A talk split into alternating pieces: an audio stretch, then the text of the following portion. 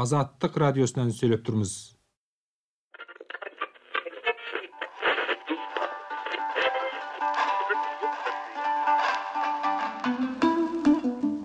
азаттык радиосунан сүйлөп турбуз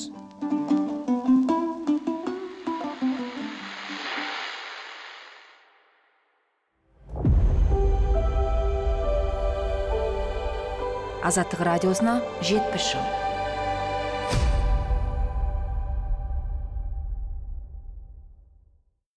армысыздар ағайын. Осыдан бір ғасыр бұрын орынборда өткен қазақ ғалымдарының тұңғыш құрылтай съезін азаттық радиосы 1957 жылы тағы да еске салды. Бұл кезде құрылтайдан 33 жыл өтіп кеткен. Жүз жыл бұрынғы жиынның күн тәртібіне әлихан бөкейханов енгізген ерекше мәселе қандай? Бүгін осы туралы айтатын боламыз. Азаттықтың бұрынғы хабарына шолу жасай отырып академик шерубай құрманбайұлымен болған сұхбатты ұсынамыз. Бұл азаттық радиосына жетпіс жыл аудио подкасы. Сіздермен бірге мен қуанышбек қари. Ел бастайтын қайдасың көсемдерім. Сөз бастайтын қайдасың шешендерім заман ай азаматы алаштың аттанатын күн туды тұлпар мініп ту ұстап аттанатын күн туды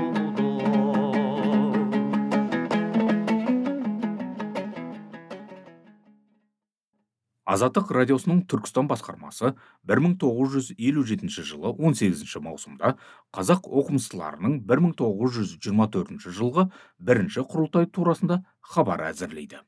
Бірнеше күнге созылған бұл жиынды кей деректерде қазақ білімпаздарының тұңғыш құрылтайы деп атайды. Комментарий нұсқасындағы бұл хабарды әзірлеп оқыған дәулет тағыберлі азаттықтың алғашқы қызметкерлері туралы аудиоподкасттың бұдан алдыңғы бір эпизодтарында айтылды. Ұмытпасам сол эпизод иммиграциядағы қазақ журналистері туралы болатын. Сол кезде азаттық радиосы бостандық радиосы деп аталатын. Сөйлеп тұрған бостандық радиосы. Енді қазақ оқымыстыларының 1924 жылғы бірінші құрылтайы турасында коммунистік диктатура неге үн шығармайды? Деген мақаламызға құлақ салыңыздар деп басталады бұл хабар. Азаттық радиосы түркістан басқармасы ұсынған бұл материалдың жазбаша нұсқасы астанадағы ұлттық академиялық кітапханадағы хасен оралтайдың жеке қорында сақтаулы тұр. Сол жазбаны біз де парақтап шықтық.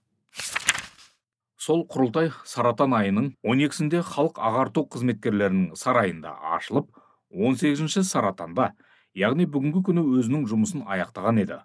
Алайда бұл құрылтай турасында қазақстандық немесе бүкіл советтік баспасөз органдарының беттерінде сондай ақ қазақстан мен ссср ғылым академияларының хабаршылары мен еңбектерінде осы күнге дейін үн шығарылған емес. Бұл құрылтай мен құрылтай қарарлары турасында қазақстан тарихына арналынған советтік әдебиет пен оқулықтар беттерінде де ешқандай деректер жоқ. Бұның себебін түсіну қиын емес дегені орынборда болған қазақ оқымыстыларының тұңғыш құрылтайы коммунистік басқыншылардың емес халқымыздың ұлттық және мәдени мүдделерін қорғауға арналып шақырылған оқымыстыларымыз бен мәдени қайраткерлеріміздің кеңесі еді. Деп түсіндіреді азаттық радиосында осы хабарды әзірлеген дәулет тағыберлі. Міне осы құрылтайдың өткеніне биыл жүз жыл толып отыр. Азаттықтың 1957 жылғы хабарында 1924 жылғы құрылтайда талқыланған мәселелер туралы былай делінеді. Құрылтайдың күн тәртібіне ұлттық мектептер олардың программалары ғылыми және мәдениет мамандарын даярлау рсфср құрамында қалған қазақ өлкелерінің қазақстанға қосылуы терминология және қазақ тілі мен қазақ әдебиетін дамыту сияқты көкейтесті мәселелер қойылған еді. Бұл мәселелер туралы құрылтайға жиналған оқымыстыларымыз бен мәдениет қайраткерлеріміз маңызды қарарлар ұйғарды.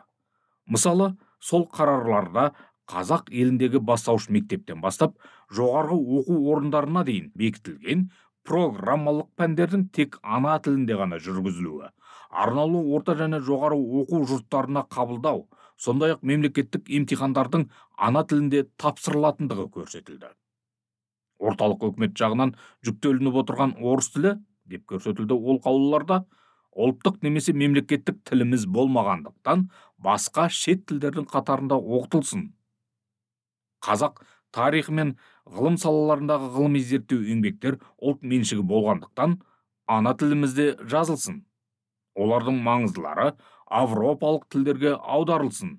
Ғылыми мекемелер мен халық ағарту орындары партиялық немесе әкімшілік орындардың нұсқауларына емес тек ғылыми кеңес пен ағарту министрлігіне бағынатын еркін орындар ретінде танылсын. Қазақ тілінің ұлғаты мен терминдері басқа түрік елдерінің тіл және терминология ұлғаттарына сәйкестіре отырып түзілсін делінген азаттық радиосының 1957 жылғы хабарында. Енді осы ұйғарымды кім қабылдап отыр? Оған кімдер қатысты дегенге келсек. Ол құрылтайға жалғыз қазақстандағы ғана емес рсфсрдің омбы челябі саратау астырған және алтай аймақтарына еріксіз қосылған қазақ өлкелеріндегі оқымыстыларымыздың өкілдері де түгел қатысқан еді. Сондай ақ оған түркістанның республикалары мен башқұрт және татар елдерінің де оқымыстылары ат салысты делінген азаттық радиосының 1957 жылы дәулет тағберлі әзірлеген хабарында. Азаттық радиосына жетпіс жыл.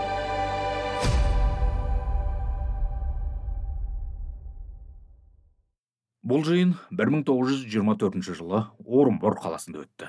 Бір кезде қазақстанның астанасы болған бұл қала бүгінде ресей иелігінде қалды.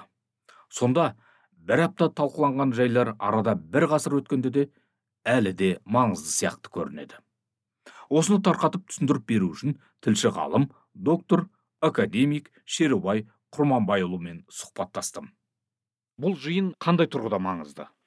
Ең алдыменен бүгінгі қазақ ғылымының қазақ тілінің қазақ тілінің түрлі салаларының дамуының ә, ғылыми тұрғыдан мәселе ретінде көтеріліп съезде күн тәртібіне арнайы түрде арнайы осы мәселенің қаралуы тұрғысынан маңызды. Өйткені осы съезде ең алдымен қазақтың әліпбиінің мәселесі жазу мәселесі қазақтың терминологиясының мәселесі қазақ мектептерімен өтетін оқулықтардың мәселесі қазақ мектептеріндегі бағдарламалардың мәселелері сияқты өте маңызды мәселелер талқыланды бірнеше күн.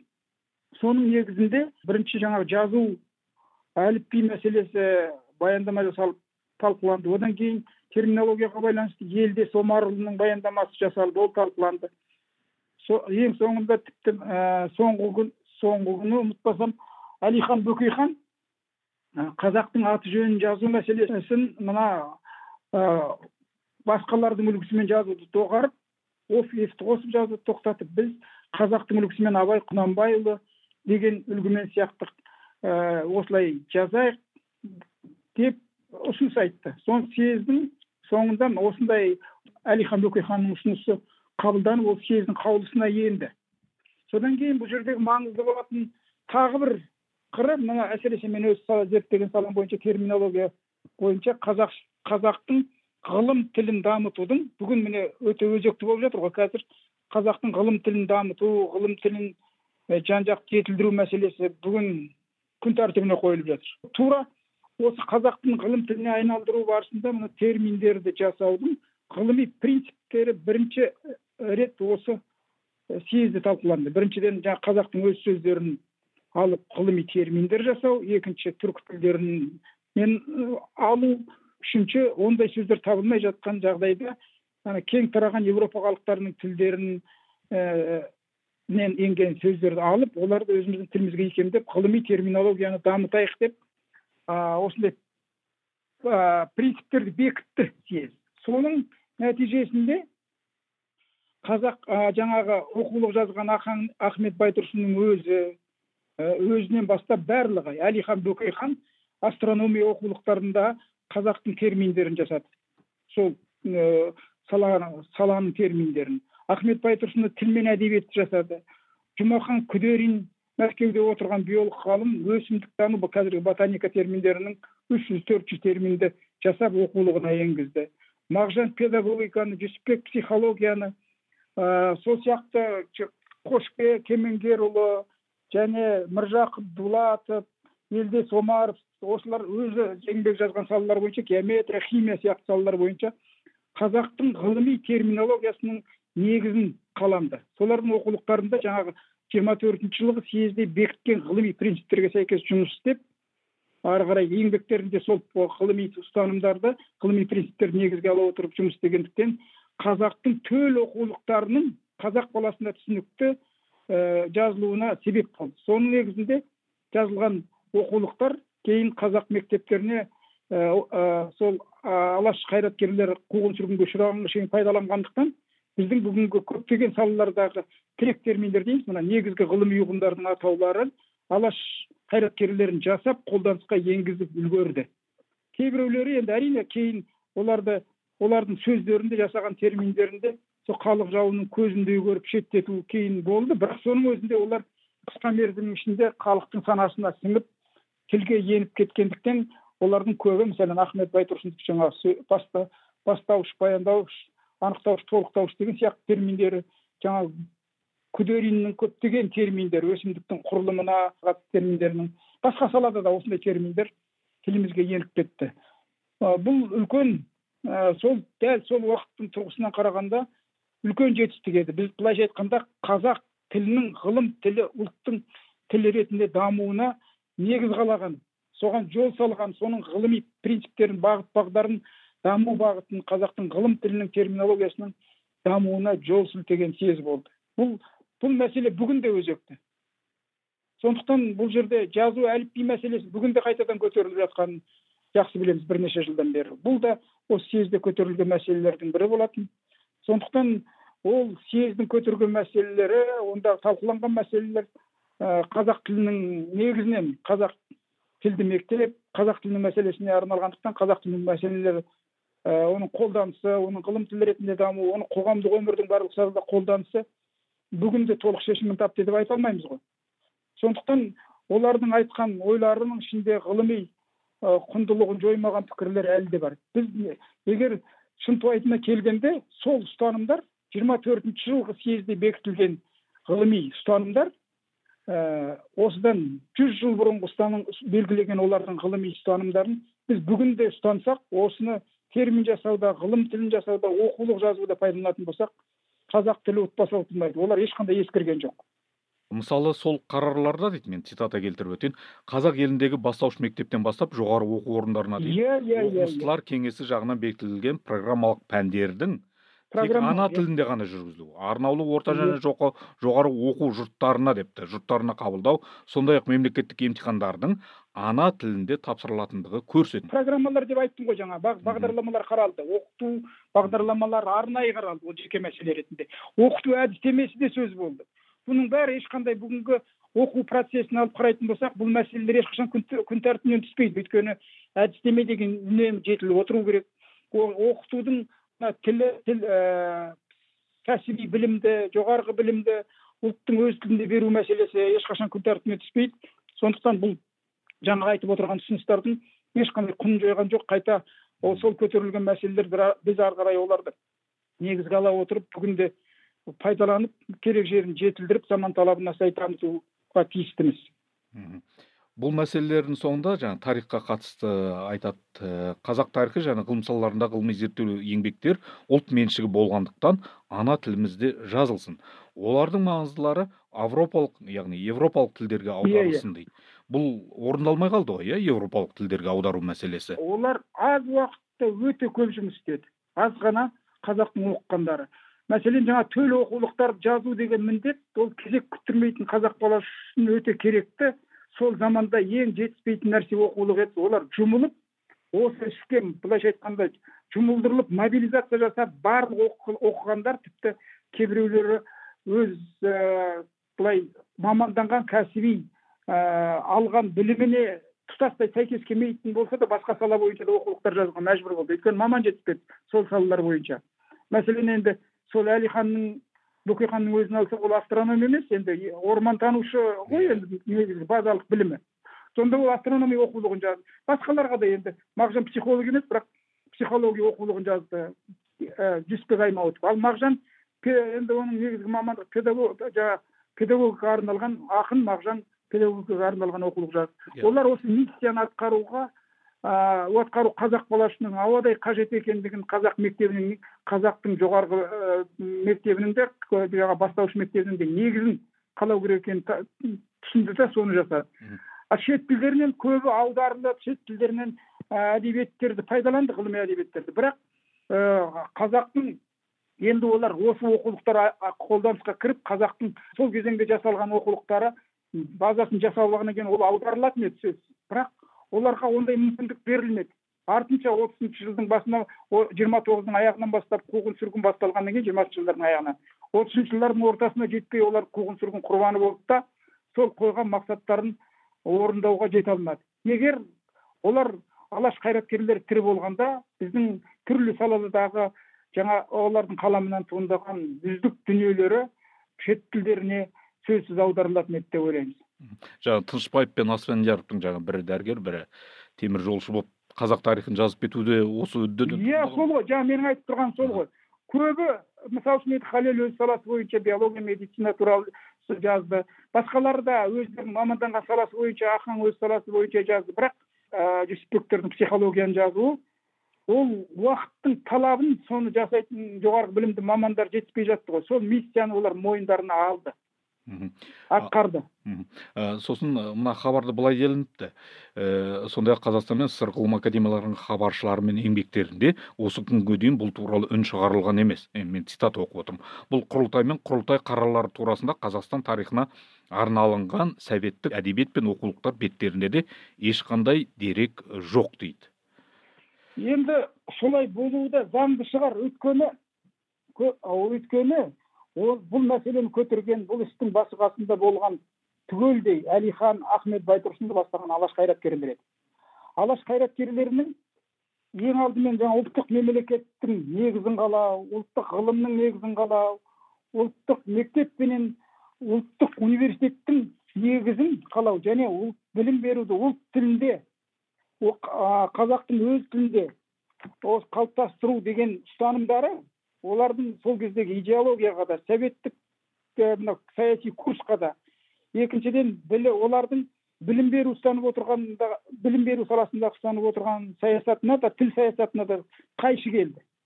Өйткені олар жалпы жаңағы кеңес халқының білім беру жүйесін ә, орыс тіліне негізделген ғылымның техниканың тілі орыс тілі болу керек болды. Ал енді қазақ зиялылары сала сала бойынша өздері математика физика оқулықтарын жаратылыстану оқулықтарын биологияны жазып қазақтың тілін ғылым тілі ретінде дамытып қазақ мектебін қазақтың өз тілінде дамытып жатқаны ә, олар ұлт ретінде мемлекет ретінде дербестікке автономия жаңағы республика болуға негіз қалап жатқанын көріп отырғандықтан олардың ұстанымдарын айту насихаттау оларға ыыы қажет емес еді.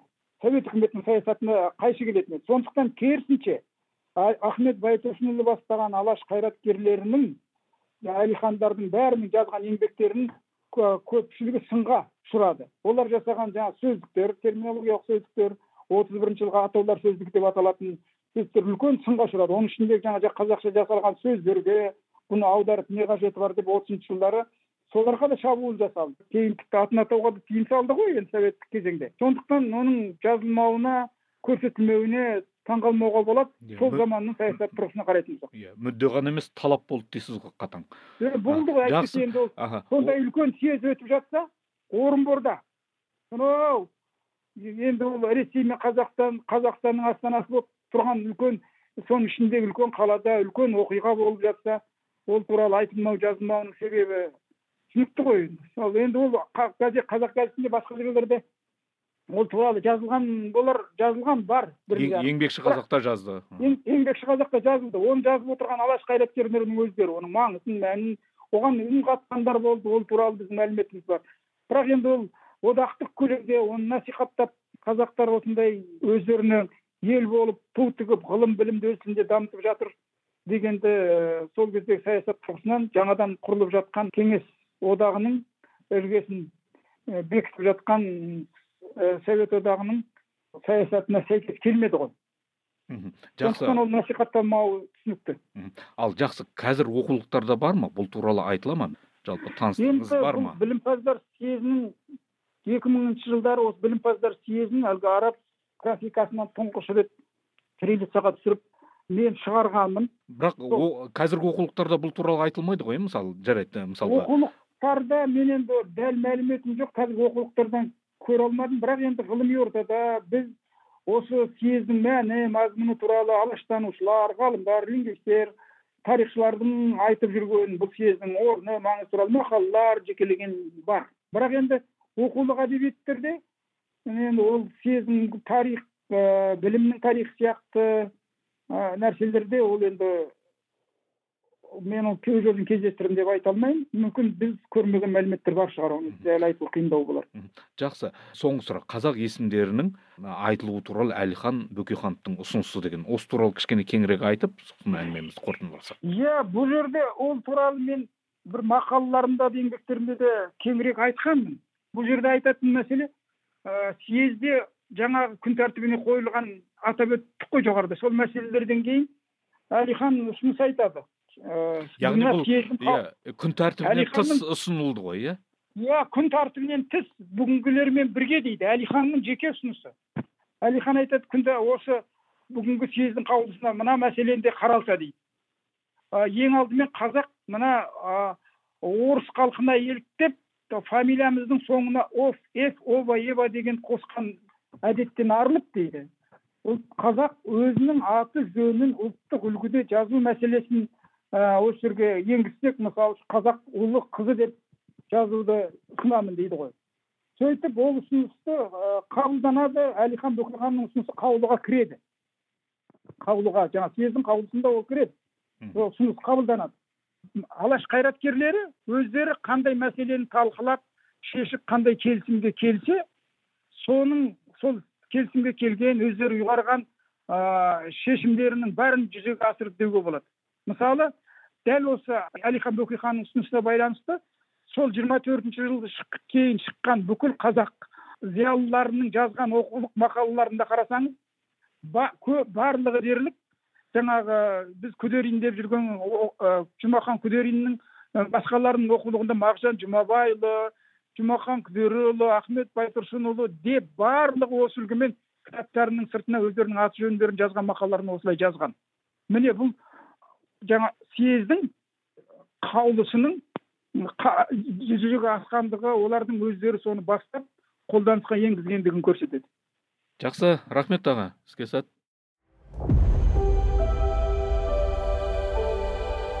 Азаттық радиосына жетпіс жыл.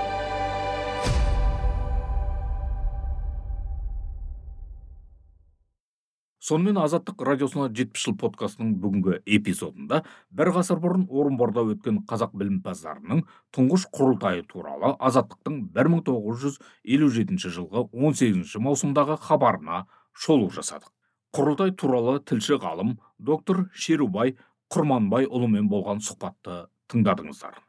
Ал биыл осы тұңғыш құрылтайға 100 жыл толмақ. Осыны еске сала отырып бүгінгі эпизодты аяқтаймыз. Подкастты әзірлегендер мен қуанышбек қари және аудиоредактор елдар құдайбергенов. Аудиоподкасттың барлық эпизодын азаттық сайтынан подкаст платформаларынан және азаттықтың ютуб арнасынан тыңдауға болады. Келесі эпизодта кездескенше сау саламат болыңыздар. Азаттық радиосына жетпіс жыл.